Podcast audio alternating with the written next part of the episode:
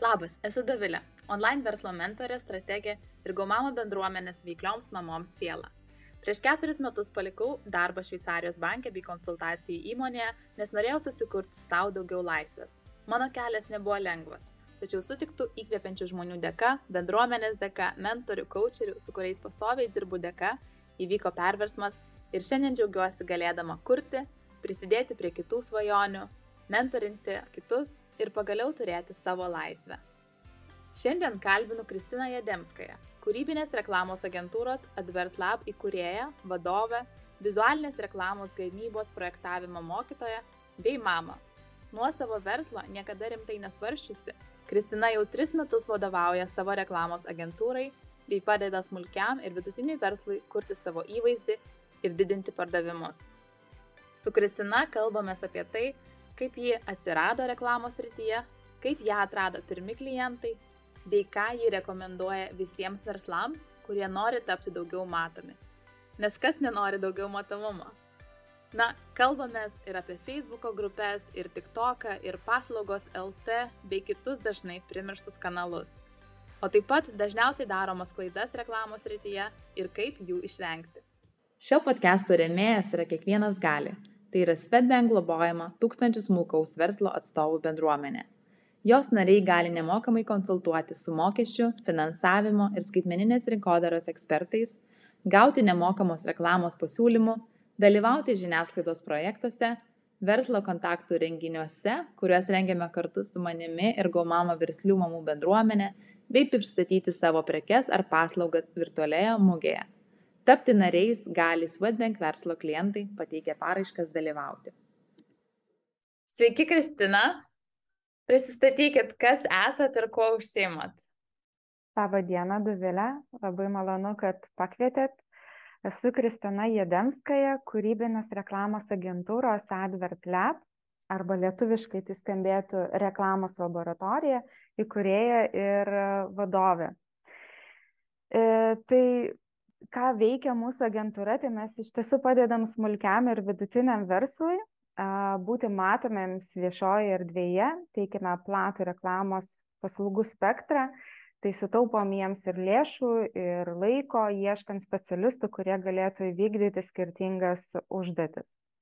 Tai į mus gali kreiptis iš tiesų tiek moteris, kuri dar tik tai ketina žengti, savo žingsnį link verslo, ar jau pradėjo ir nori patobulėti, nori išvystyti savo identitetą verslo.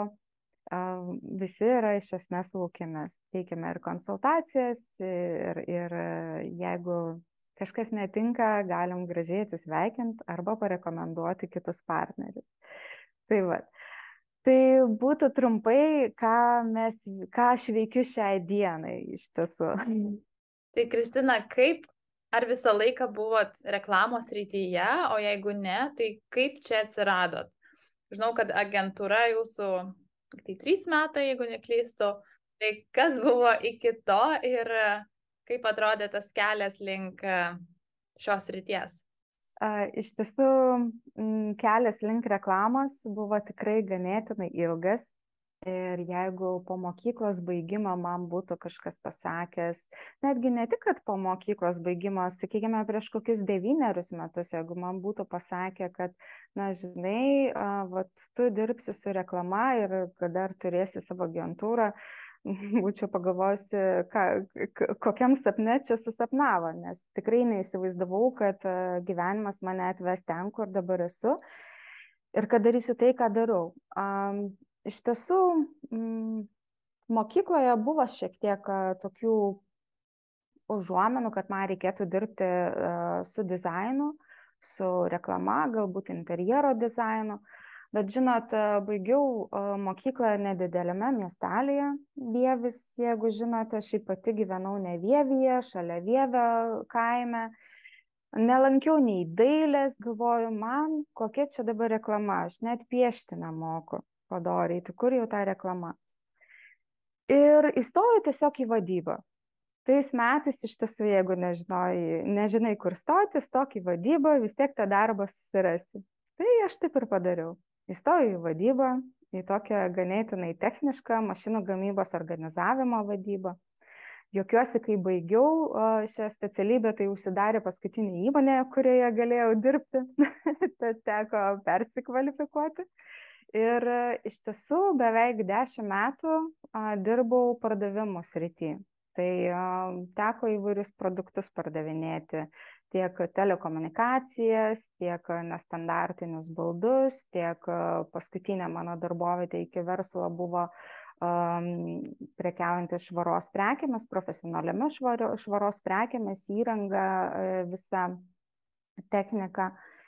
Ir tik tai, vad, kuomet jau tapau mama, Mm, susiklostė tokios aplinkybės, kad e, kaip ir planavau grįžti aš į savo senąjį darbovietę, aš ten grįžau, bet iš tiesų psichologiškai jaučiausi nelabai gerai ir nusprendžiau išeiti.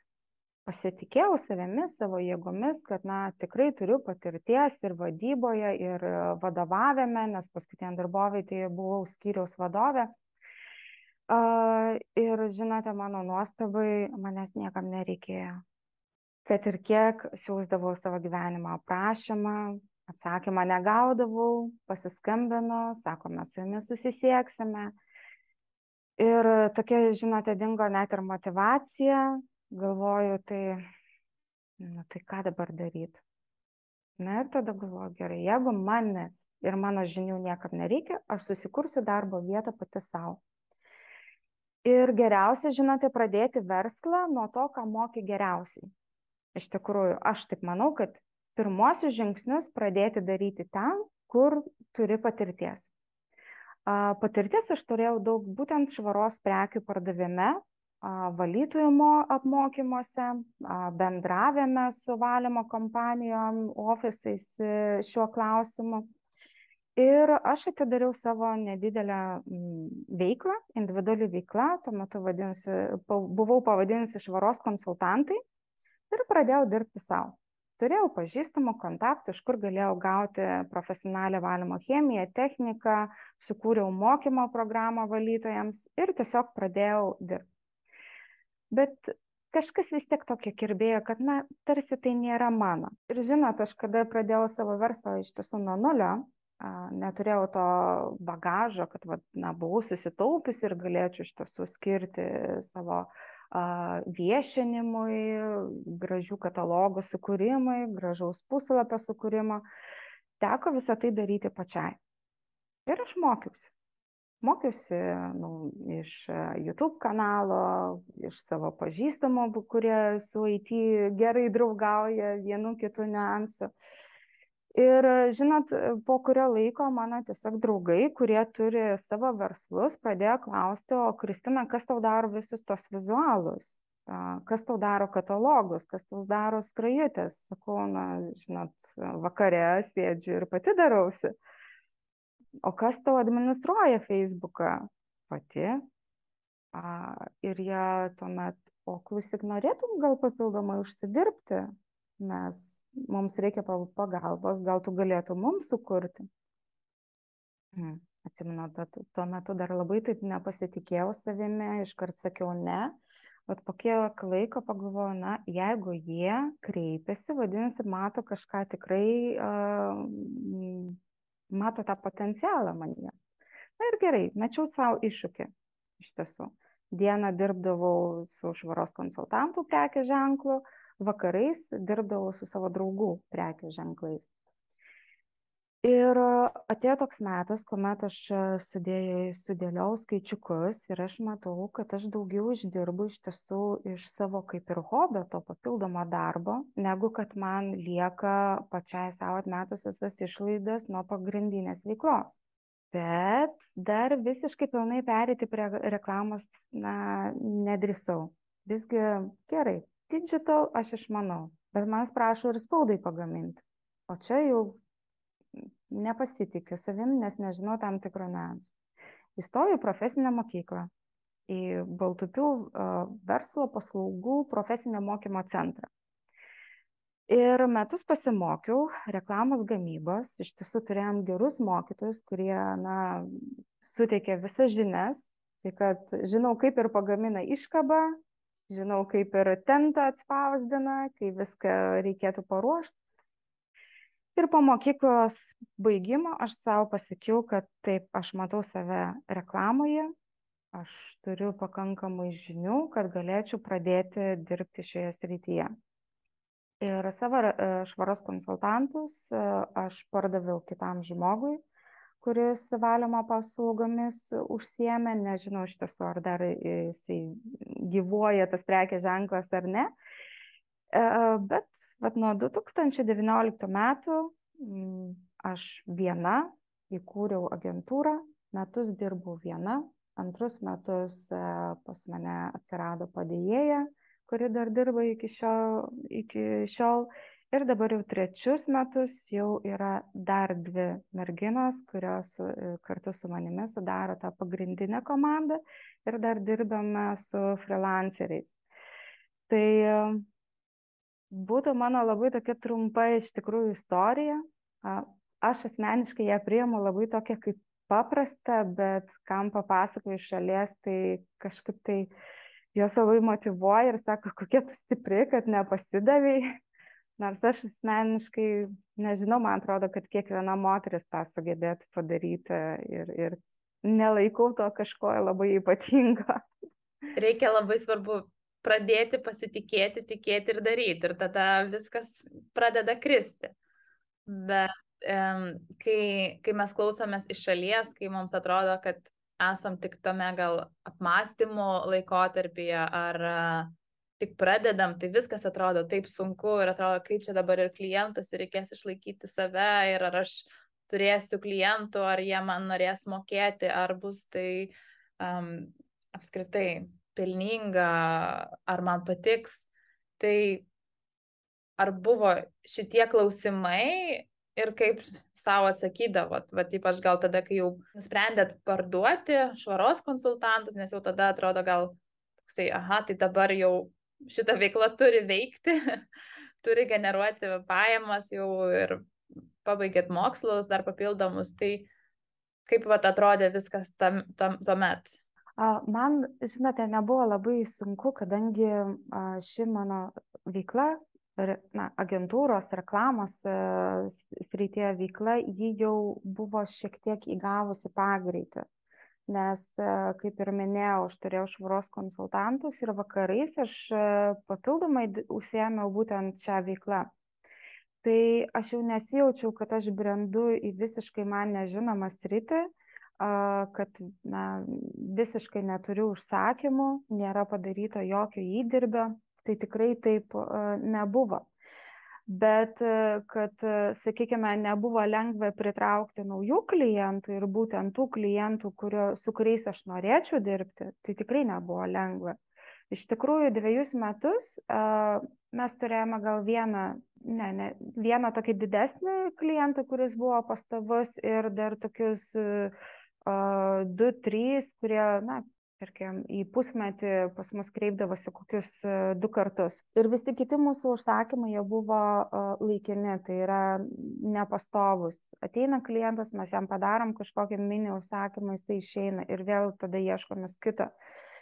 Ir tik tai, vad, kada jau jį pusėmė trečius metus, mes jau susikūrę, esame jau pasiekę tai, kad jau mūsų pačių ieško. Tai yra, kad e, į mus kreipiasi įmonės, e, jie mato mūsų darbus, jiems patinka mūsų darbai, jie susisiekia su mumis, pabendrauja.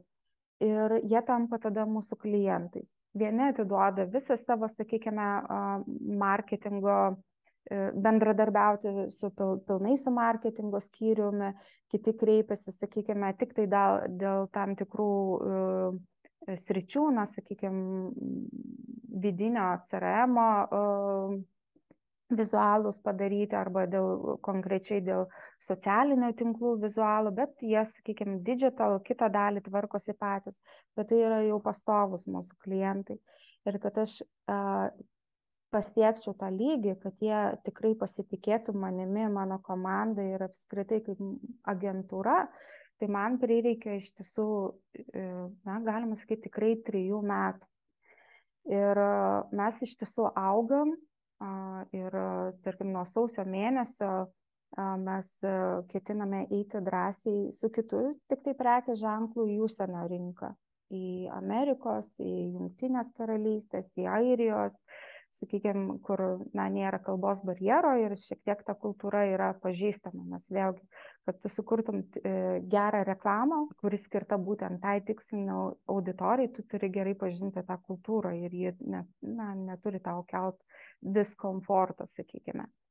Nes e, galbūt kai kuriems e, reklamos atstovams nėra skirtumo, kam jiems kurti reklamą, kokią žinutę skleisti, visgi aš savo darbe remiuosi vertybėmis. Ir tarkim, esame griežtai savo apsirašę, kad na, mes nedirbame su alkoholio prekės ženklais, nesvarbu, ar tai buvo, na, alkoholinę negalima reklamuoti, bet ne alkoholinę galima reklamuoti, taip, bet mes esame apsibrėžę, kad mes nedirbame, nes netokios mūsų yra vertybės tarkim niekad niekuomet mes nekuriame jokių žinučių kurios įžeistų ar moterį ar vyrą tarkim netgi pateikiant tam tikrą vizualą nebūtinai tekstinę žinutę taip bet sakykime stipriai apnuogintas moters kūnas arba stipriai apnuogintas vyro kūnas kaip nors nelabai padoriai yra pateikiamas tai mums e, netinka ir ar pradėsime dirbti su klientu ar ne, tai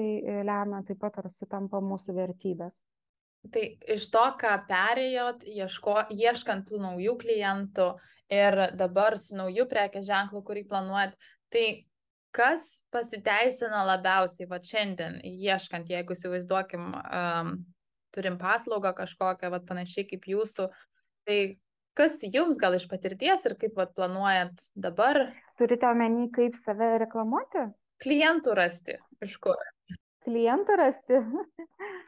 Pirmiausia, tai iš tikrųjų turit padaryti darbą. Na, nežinau, sakykime, galbūt paimkime nebūtinai su reklama, galbūt didesnė kažkokia, na, tarkim, grožės rytis. Taip, jeigu, tarkim, moteris yra, teikia grožio paslaugas, taip tai kad rastumėte klientų, tai jie pirmiausia, jų, juos pasiekti nėra taip sunku. Iš tiesų yra sunkiausia įtikinti, kad jie gali jumis pasitikėti. Taip? Tai jeigu, sakykime, yra tik tai galimybė, tai pradžiai suteikite, kad ir nemokamas paslaugas. Taip? Ne visiems pasiseka taip, kaip man, kur iš tikrųjų iš karto už mano paslaugas uh, na, siūlėsi susimokėti. Taip, dalį grafikos dizainerių pradedančių tenka ir nemokamai padirbėti, kad susidarytų savo portfolio. Tai, na, jeigu nėra taip, kad e, jūs kažkas samdo ir jūs, na, nusprendėte dirbti, ar nusprendėte dirbti pati savo, turite įrangą, tai pasikvieskite, kad ir pažįstamus, draugus, kai, kaimynės, nemokamai procedūrai. Tiesiog uh, paprašyti susimokėti simboliškai, tiesiog paliekant savo atsiliepimą ir leidžiant nufotografuoti tą klientą, gal nerodant visą veidą, bet, na, žiūrint, ką daro. Taip, antakius, antakių, tarkime, sritį, lūpų sritį arba plaukus, galima iš tiesų fotografuoti tokiais kampais, kad veido nesimatytų. Ir kaupkite savo darbus aišku, stenkitės fotografuoti geresnėme apšvietime. Pasižiūrėkite, kaip stilingai pateikti nuotraukas. Kartais, tarkim, padaro labai didelę klaidą, kuomet prideda į vieną vizualą labai daug nuotraukų ir tu negali įsižiūrėti arba parenka labai ryškų foną, kuris iš tiesų nukreipia tavo žvilgsnį nuo pagrindinės informacijos, nuo pagrindinės nuotraukos, tu tiesiog nori žiūrėti į tą foną, nes jisai yra margas arba, sakykime, labai per daug ryškus, raudonas, geltonas, tarkim, ryškiai.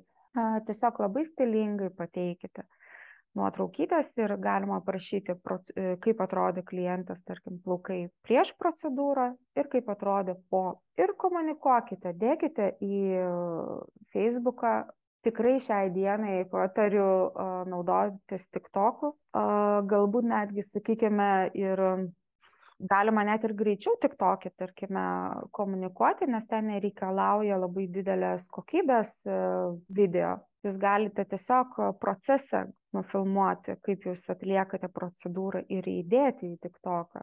Tikrai TikTok'e yra ir vyresnio amžiaus žmonių, na, sakykime, apie 50 metų, yra ir jaunesnė karta, bet jau per jaunesnę kartą jūsų tikslinė auditorija taip pat gali apie jūs sužinoti, taip, tarkim. Ir kitas dalykas, ką galiu patarti, iš tiesų, su kuo e, kovoju net ir aš pati, tai yra nebūkite perfekcionistai. Mes labai dažnai nenorime dalintis e, tuo, ką padarėme, nes neatrodo dar vizualas iki galo neišbaigtas, mano, tarkim, kalba galbūt iki galo nėra išbaigta ir aš ten kažkur nenoriu e, dalyvauti ir, ir kalbėti. Kilo mintis, padarykit ir įdėkit. Ir tiesiog stebėkite savo auditoriją, kaip jinai reaguoja. Jeigu pamatysite, kad, sakykime, na, kažkokie keisti, e, šipsne, keistos šipsenėlės arba keisti tokie komentarai, a, kaip pavyzdžiui, va šiai dienai yra su vienu prekės ženklu kosmetikos, kuri, kuri, kuri labai staigiai pakeitė komunikaciją visiškai kardinaliai į kitą, negu kad vartotojai yra įpratę juos matyti ir girdėti tiesiog pajausite, kad e, jūsų, jūsų klientui ta kalba netinka ne, ir tas vizualas netinka. O šiaip bandykite, bandykite, bandykite. Nebandysite, taip ir nežinosite, kas e, tinka jūsų auditorijai. Daug kas, kai kreipiasi į agentūrą, pavyzdžiui, į digital, tarkim, dėl socialinio tinklų reklamos, e, dažnai tikisi, kad gaus iš karto atsakymą, o kas yra jų tikslinė auditorija ir kaip jiems čia reikia reklamuotis. Bet iš tiesų tai daromi yra testavimai.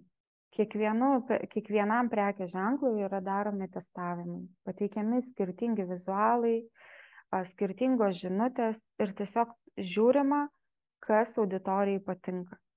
Jeigu atrandama tendencija, kas jiems patinka, tuomet ir toliau sekama tuo keliu. Tai va, tik tai bandymo būdu yra išgryninimas. Netgi tas pats, pavyzdžiui, prekės ženklas, nu, ne tai, kad, atsiprašau, ne prekės ženklas, bet, pavyzdžiui, grožio salonai. Jie teikia tas pačias e, paslaugas, bet, pavyzdžiui, vieno komunikacija yra vienokia, kito yra kitokia. Ir jų abiejų yra teisinga, nes vieno patinka tokia komunikacija, jo yra vienokie klientai, o kito yra kitokie. Kiekvienas gali, kai yra palaikančių.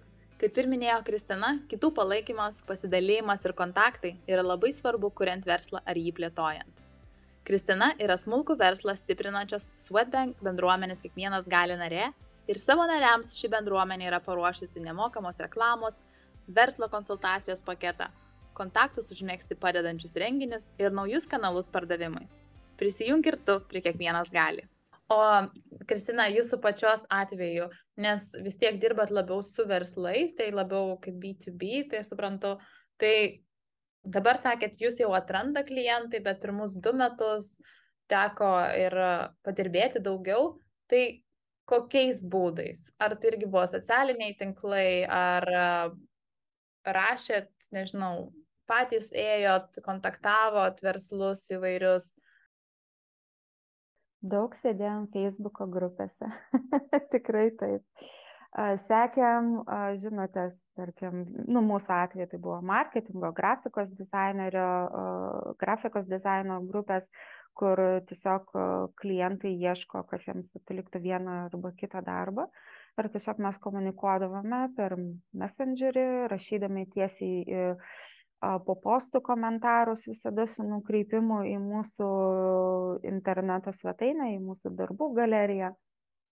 Tai ir paslaugos LT. Per paslaugos LT iš tikrųjų ateina nedidelis kiekis iš tiesų užsakovų, bet e, tai taip pat e, veikia ir, ir vertėtų užsiregistruoti paslaugos LT ar ten, sakykime, iškelt į aukštesnės pozicijas, tai abejočiau, ar labai verta investuoti į tai pinigus, kadangi vis tiek pagal mūsų praktiką, pagal tai, ką mes girdim iš savo klientų, jie nesirenka pirmų trijų, pirmų pasitaikiusių pasiūlymų, jie iš tiesų peržiūri pirmą puslapį.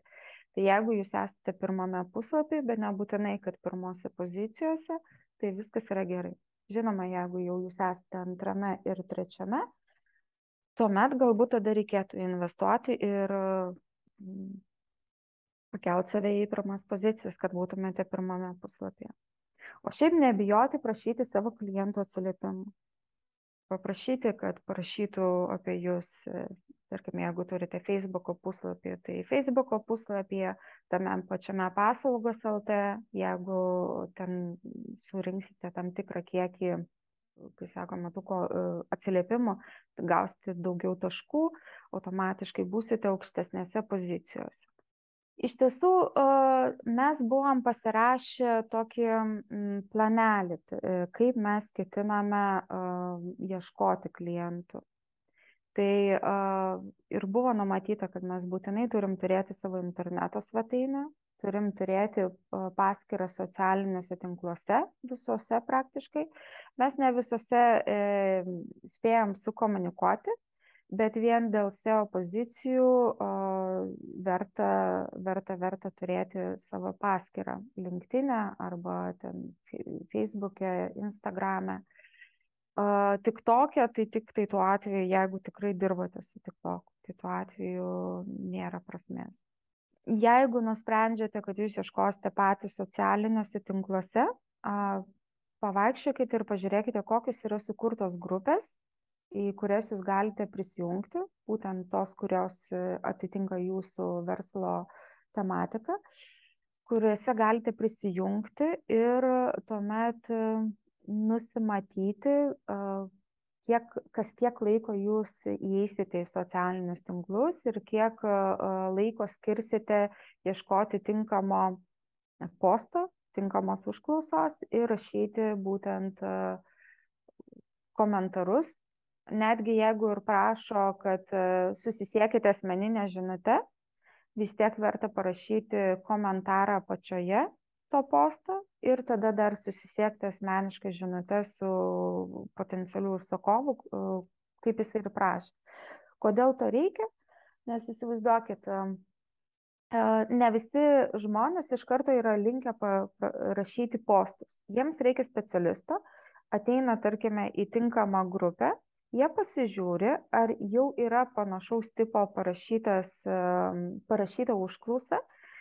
Ir jeigu yra, jie tada pasižiūri, kas yra komentaruose save pasiskelbę. Ir tikrai mes esam gal, nu, apie kokį kelias dešimt klientų, kurie mus susirado būtent per postų komentarus. Tai tikrai, tikrai Facebook'o grupėse, žinau, ir aš dirbu daug su užsienio e, klientais, tai tikrai yra, dar galima rasti ir reikia jas eiti žiūrėti ir, vat, e, kas smagu girdėti, kad ir Lietuvoje panašiai. Tai ačiū iš visus šitos patarimus. O tik to, kas dar vat, paminėjo, tai norėčiau irgi paklausti, kokiem verslam vertėtų, ar, jo, kokiem verslam vertėtų į jį investuoti, eiti, eksperimentuoti ir kam jau, nu, gal ne ta auditorija? Žinokite, TikTokas labai tokia įdomi platforma, iš tiesų dar įgaudinės savo veidą ir keisis, bet šiai dienai, žinokite, gali eiti bet kuris verslas. Tikrai. Yra iš mano klientų, kurie tiesiog teikia autoserviso paslaugas, tenais komunikuoja, rodo savo kasdienį, kasdieninį darbą ir jie iš ten gauna daugiau užsakymų nei iš Instagramo arba iš Facebooko, kas iš tiesų labai nustebino. Teisinės pagalbos, tarkim, irgi tos paslaugas teikianti viena mano klientė, ji taip pat komunikuoja tik tokia ir taip pat iš ten ateina užsakymą. Ne mano klientė, bet viena pažįstama iš bendros organizacijos, tai ji tapo šilko skareles, margina įvairiais natūra, natūraliais dažais, augalais netgi, atsiprašau, taip iš augalų išgautais dažais. Ir ji taip pat tenais rodo, kaip ji tą daro ir iš ten atėjo klientas, kuris iš tiesų norėjo padaryti dovaną mamai. Tai tą patį turinį iš tiesų galima kelti tiek į, tarkim, Instagramą, tiek, sakykime, iš Instagramo kelti į um, TikToką.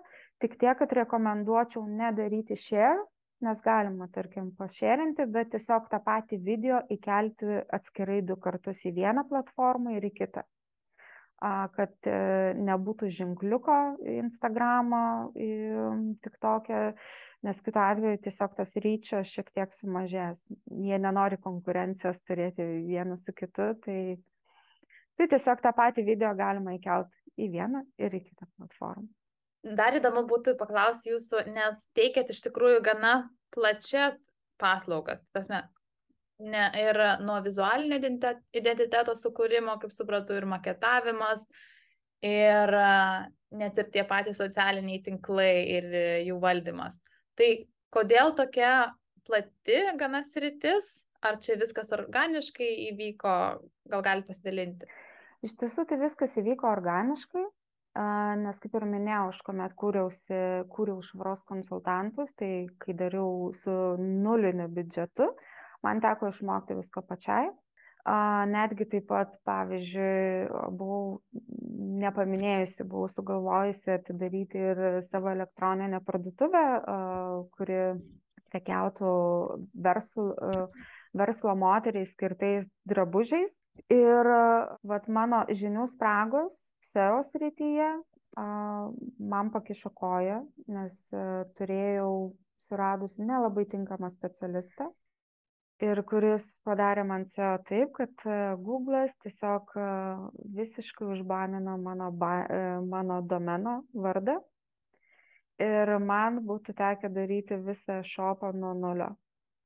Tai tiesiog šita neigiama patirtis mane paskatino domėtis labiau ir būtent skaitmeniniu visų marketingu, SEO, Google reklama, Facebook reklama. Ir turbūt organiškai taip ir gavosi, kadangi turiu žinių ir, ir grafikos dizaine, ir didi, digital marketingė, tai dėl to mūsų agentūra ir teikia tą platų paslaugų spektrą. Aišku, visą tai darau ne aš viena, yra kolegos, o aš tampu kaip tarpininkas tarp jų, padedu susikalbėti nes na žinau kaip paaiškinti žmonių kalba moteriai kuri dar tiktai žengia į digital visą visą pasaulį. Ir žinau kaip specialistui perversti tai ko nori klientas tai ką jisai jam sako. Tai žinoma kai jeigu dirbčiau viena tai tokių tokio paslaugų spektro suteikti būtų neįmanoma bet kai yra surinkta komanda patikima tai mes galime tą ir daryti ir minėjot, kad pasimokėt, nes vieną e, teko dirbti su blogu SEO specialistu, tai į ką šiandien mat, atkreipia dėmesį ir ką rekomenduotumėt žmonėm atkreipti dėmesį, nes kaip ir tikrai ne vienas yra minėjęs, oi, bet čia daug labai yra ir agentūrų, ir specialistų, ir freelancerių, ir kaip man dabar žinoti, kuris yra geras, nes ypač mes ateinam, mes į kažką juk ir kreipiamės, nes mes nemokam. Tai kaip mums dabar žinoti, ar ką jisai šneka, ar jinai šneka, ar iš tikrųjų, ar, ar čia apskritai yra gera, ar, ar čia visai nusišneka. E, iš tiesų, jeigu kreipsitės į agentūrą, tai na, jau yra saugiau. Aišku, reikėtų pasižiūrėti, kiek metų tai agentūrai ir kaip jie save pozicionuoja, kaip jie kalba, kokie, su kokiais klientais yra dirbusi. Um, tai su agentūra dirbant yra šiek tiek saugiau, nes agentūra taip paprastai nepabėgs. Jūs vis tiek pasirašote sutartis ir jeigu yra kažkas e, blogai padaryta iš jų pusės, na, jie vien norėdami išsaugoti savo gerą vardą, tai ištaisys. Su freelanceriais tikrai yra labai gerų specialistų, tai, uh, bet jų kainos nėra žemos tai nesiorientuoti žema kaina aš parekomenduočiau o pasižiūrėti būtent kokią patirtį turi pats žmogus su kuo jisai taip pat yra dirbęs ir kokie yra atsiliepimai apie to žmogaus darbą. Nes mano klaida vat, ir buvo, kad iš tiesų aš pasiklioviau, na, tokia žemesnė kaina ir tai buvo mano klaida čia pasiteisino ta, tas posakis, kad jeigu... Um, Skupus moka du kartus. kartus taip. o ką dar vat, matote iš apskritai nebūtinai iš jūsų klientų, nes jau klientai, įsivaizduoju, jau, jau gerai daro, nes apmokat, bet šiaip, ką matot, kokias klaidas dažniausiai daro verslai. Tai jau minėjot vieną dalyką, gal tas toksai neišsigryninimas pradžioje, bet ką dar vat, pastebėt ir vis atrodo, nu tai kodėl jie vis taip daro? Aš iš tikrųjų, ką esu pastebėjusi, kad verslai, smulkesni ypač verslai, labai mažai kreipia dėmesio į tinkamą logotipo sukūrimą. Taip pat e, yra tendencija, kad ir ieško žemiausios kainos ir tenka po to jiems susimokėti du kartus, nes geras logotipas, kuris jums tiks, tarkim, klientui tiks ir socialiniam tinklam, ir interneto svetainiai, ir automobilio apklyjavimui arba iškabos sukūrimui, na, jis nekainuoja 50 eurų, nes tai yra tikrai sunkus darbas apgalvoti linijų storį, raidžių dydį, kad jis visur atrodytų iš tiesų gerai ir būtų tinkamas. Dažniausiai, žinote, kur yra už 50 eurų, tai jie net būna sukurti mm, onlineinėmis programėlėmis, kur tiesiog pagal raktažodžius tau sistema automatiškai sukuria ir, ir netgi dažniausiai tai būna skaitmeninio formato ir ne vektorinis failas. O vektorinis failas mums reikalingas, pavyzdžiui, na, norėsite tušinuką išsigraviruoti, taip, su savo logotipu, kad galėtumėte kaip reprezentaciją dovaną dovanoti savo klientam. Su JPG formato logotipu jūs negalėsite to padaryti. Tai va, tai pirmiausia atkreipti dėmesį į logotipo kokybę, Antra, kuomet kuriate savo logotipą ir apskritai visą, tarkim, spalvinę gamą, kurią jūs naudosite savo komunikacijai, neapsiribokite spalvomis, kurios jums labiausiai patinka. Jums gali patikti labai stipriai raudona, bet jūsų verslo, verslui raudonas spalvas, sakykime, visiškai netiks ir jūsų norimai iškomunikuoti žinutė, jūsų vertybėm ir panašiai. Tai tikrai atsižvelkite į rekomendacijas, kurias jums pateikia profesionalas. Žinoma, profesionalas visada atsižvelgia į kliento pageidavimus, bet jeigu tikrai argumentuotai jums patarė, tarkim, nesirinkti raudonos arba žalios spalvos, tai uh, įsiklausykite nes prekės ženklas jis turi jis yra kuriamas ne jums jisai yra kuriamas jūsų klientams jūsų tikslinei auditorijai ir šiai dienai kai yra tikrai daug prekės ženklų ir kiekvienas nori būti matomas, juo labiau, kad būtų pastebė, pastebimas ir teisingai iš karto suprantamas viso, visame informacinėme triukšme, tai tai tai reikėtų na atsižvelgti į specialisto patarimus. Turi logotipe atsispindėti iš tiesų kiek įmanoma daugiau ir jūsų veiklos sietųsi ane ir ta spalva žinutė šūkis atspindėti jūsų jūsų verslą tai va jau jau praėjo iš tiesų tie laikai kuomet tarkim šūkiai buvo tokie kaip just do it tarkim Nike, taip, dabar šiai dienai, tarkim, būtų kokia nors nekilnojamo turto agentūra, angliškų raidžių kažkoks trumpinys ir tiesiog just do it. Ir na, mes nesuprastume, apie ką tai yra.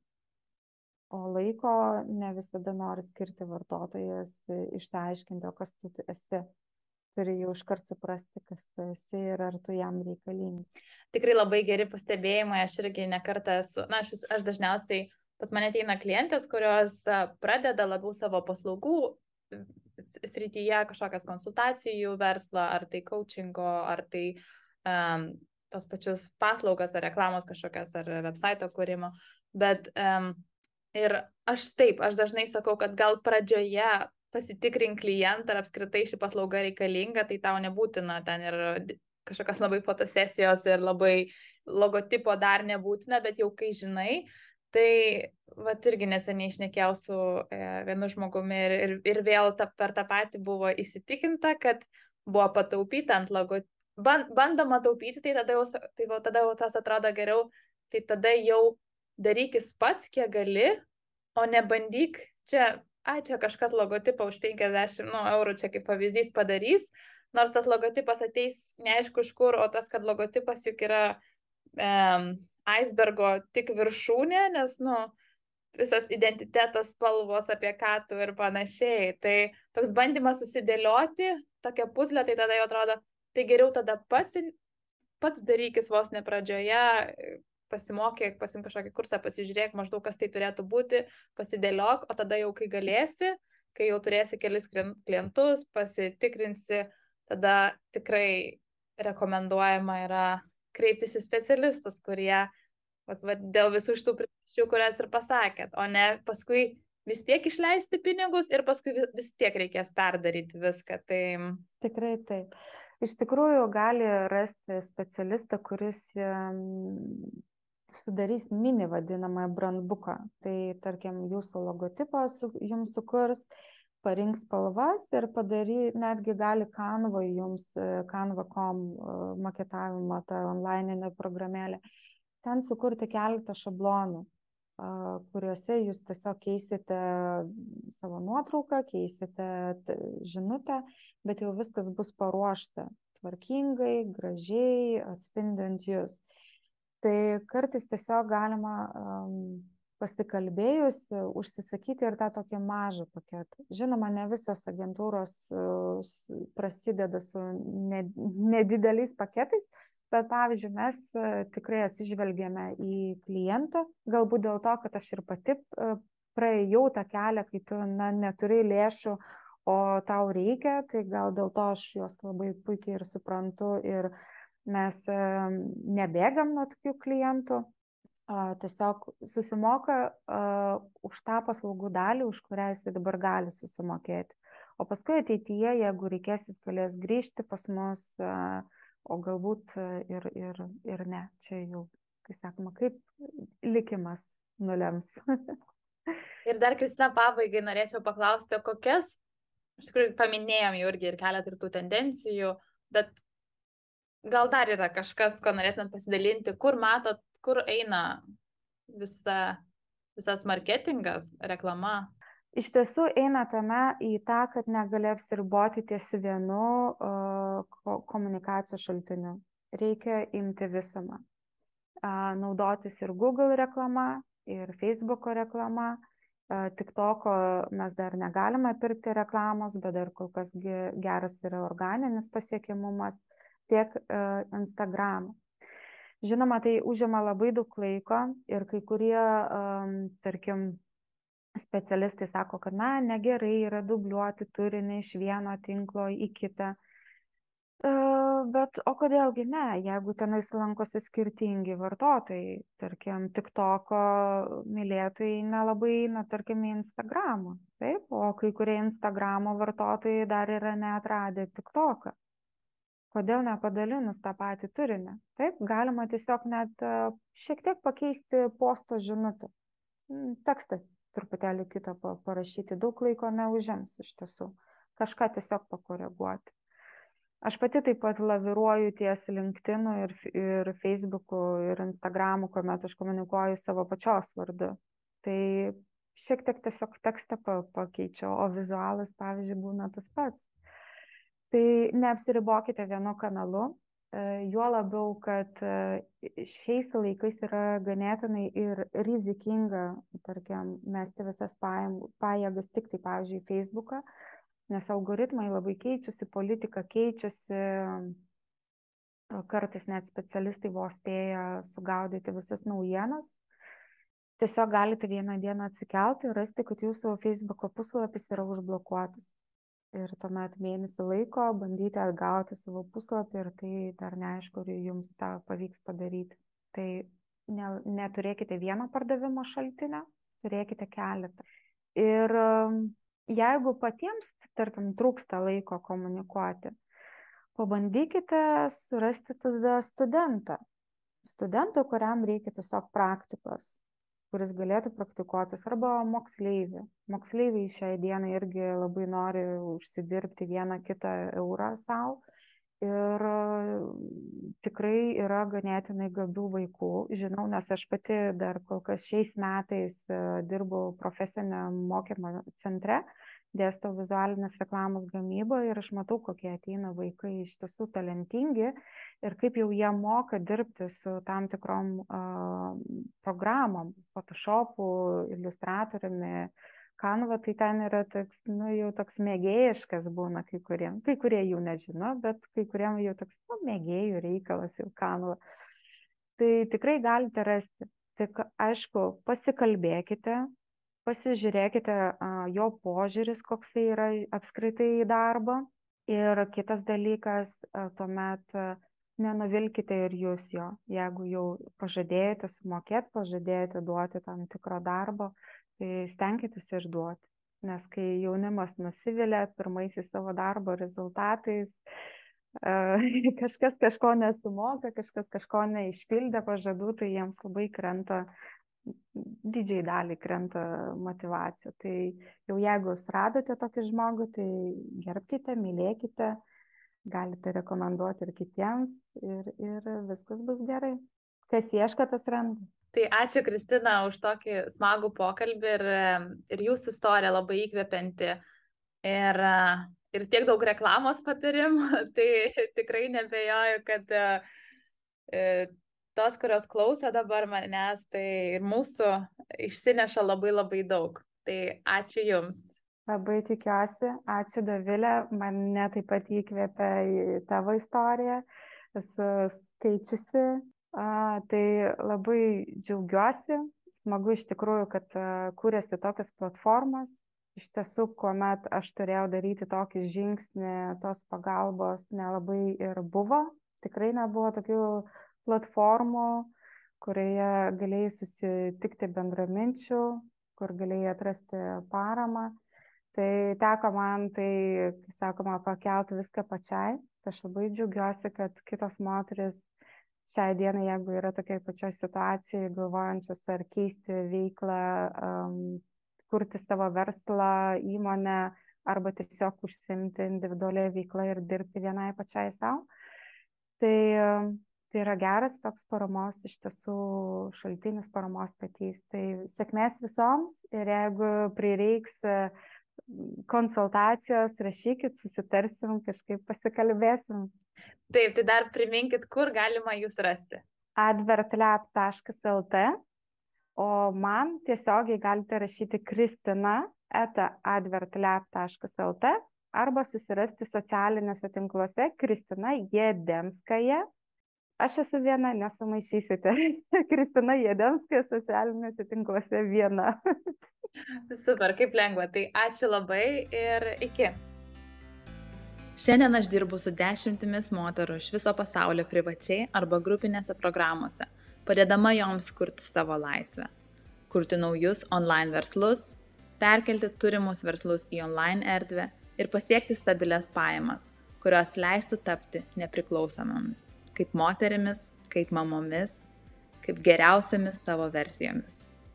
Jei ir tu nori susikurti savo laisvę bei pasiekti rezultatus, apie kuriuos svajoji, nešvaistant mėnesių ir metų ir su mano pagalba, apsilankyk davilesinkė.com arba parašyk man privačią žinutę Instagrame atdavilesinkė arba LinkedIn e ir pakalbėkime, kaip mes galime dirbti kartu.